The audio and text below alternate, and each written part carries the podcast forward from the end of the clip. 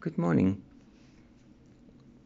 I'm sitting here in my room in, on my chair where I sit and and record my messages and I'm thinking about what comes out of our mouths. We swear at people, we we use all kinds of terrible language. We curse them. And we stand around the the the barbecue, the braaivleis fires and and we we chat and and you know what? We I've heard this this joke but if I don't tell it the way that person told it with all the curse words in it, it hasn't got the same impact and I need to I need to put that in as well. That's nonsense. I want to read to you from James 3 from verse 7 all kinds of animals, birds, reptiles, and creatures of the sea are being tamed and have been tamed by man. But no man can tame the tongue. It is a restless evil full of deadly poison. No man can tame it, the tongue, only God can. So, what I'm telling you today is surrender.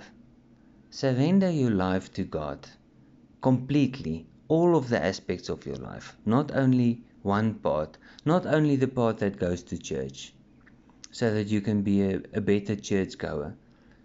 When you come from church, where you when you are at work, when you're in the spa, when you wherever, allow the Holy Spirit to change your life. Nowhere in the Bible it says, you know what, you need to be a good Christian, you need to not curse, not drink, not smoke, all kinds of funny things. You must not do that. If you if you don't do that, you can come to me and then then I'll accept you as my child. Nowhere in the Bible it says this. So it goes further. Verse 9 says, With the tongue we praise our Lord and Father, and with, with it we curse men. We have been made, who have been made in God's likeness. So, you know what? It doesn't matter what that person looks like and what he did. We don't curse him. He's been made according to God's image, the same as me and you. Who are we better to look down and talk down to other people that's been made according to God's image. Think about that. I suggest maybe where you are, or found a place where you can talk to God, get in your car, get somewhere, go to the toilet if you need to. But go there and and and lift your arms to the air and say, Lord, I surrender. I'm sorry. Here I am. You can change me however you, you think best do that. Let's pray. Father, thank you so much for your amazing love. Thank you, Lord, that you work in my life and that you work in everybody else's lives that say that they are Christians, they are children of God.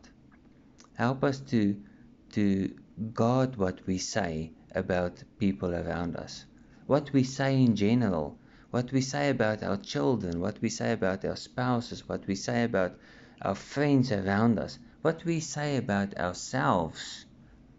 Father, put a God in front of my mouth.